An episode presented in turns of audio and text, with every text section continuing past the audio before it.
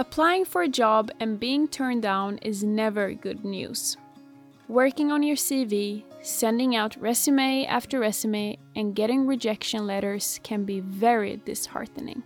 However, getting rejected is an inevitable part of job hunting. And this episode is about how to stay motivated and how to turn rejections into learning experiences.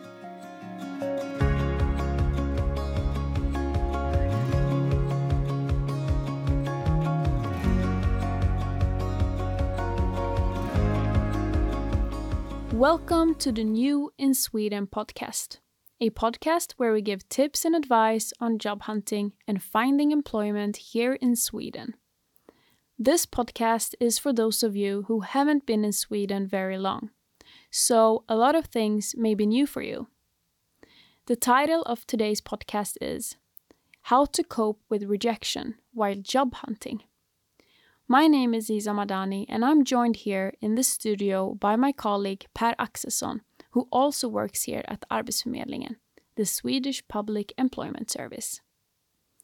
Per, good to see you again. You too. As usual, we have a lot to discuss.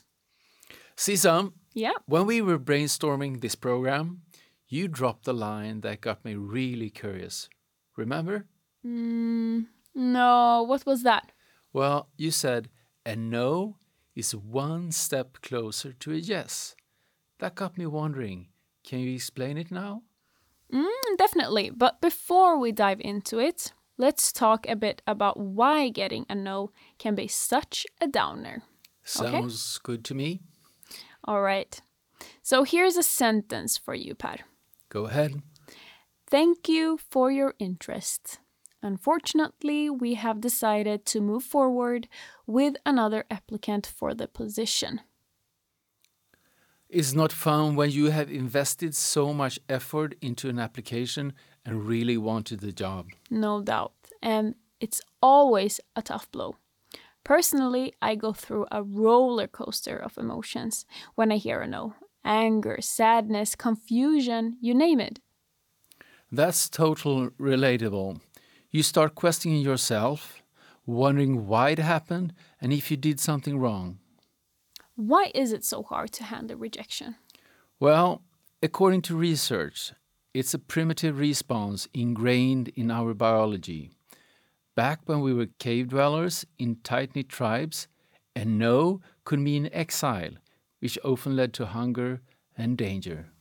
Oh, all right, but hey, we've come a long way since then. Oh, absolutely. Society has evolved, but our emotional reactions are still stuck in those ancient times. We still experience a strong emotional response to reaction. I see. So, how do you bounce back from a no? Mm, first of all, remember that reaction happens to everyone. It's a natural part of life. Don't beat yourself up. Be kind to yourself and have faith in your own abilities. That's the key. Could you elaborate on that? Don't take the reaction personally. There are various factors that come into play when companies make their hiring decisions, and it may not always be about you specifically. What other factors could be at play here? Well, sometimes companies just mess up and choose the wrong person.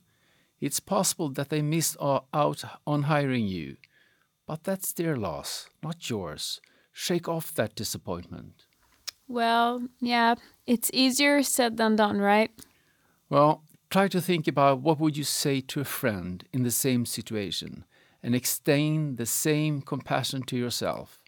If it helps, write down your thoughts. Are some rejections harder than others? Of course, you can still feel really sad and find it difficult to accept. It's easy to get bogged down, but what if something even better awaits you around the corner? Hold on.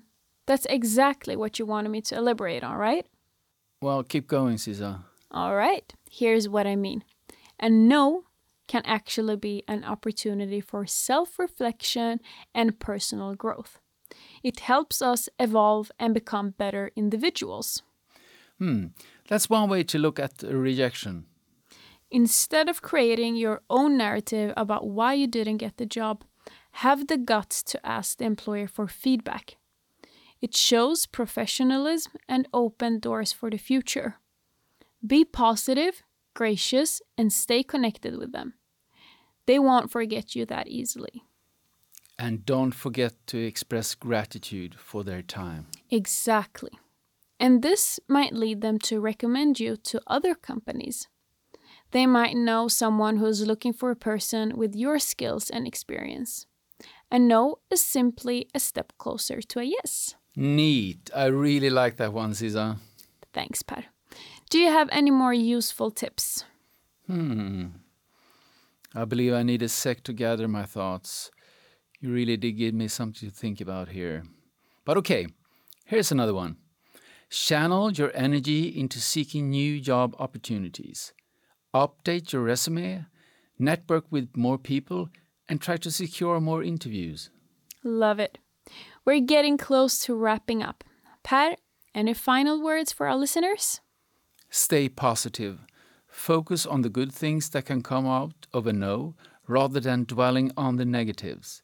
It may sound weird, but when you embrace the positive, it will fill your life with goodness. And there you have it wise words from Per. Thank you all for tuning in today. We will be back in a few weeks with another episode. Until then, take care. You have been listening to the New in Sweden podcast by Arbetsförmedlingen.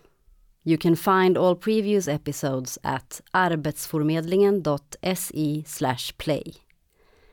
If you have any questions, tips, or ideas, please email us at podcast at arbetsförmedlingen.se. This episode was produced in the winter of 2024.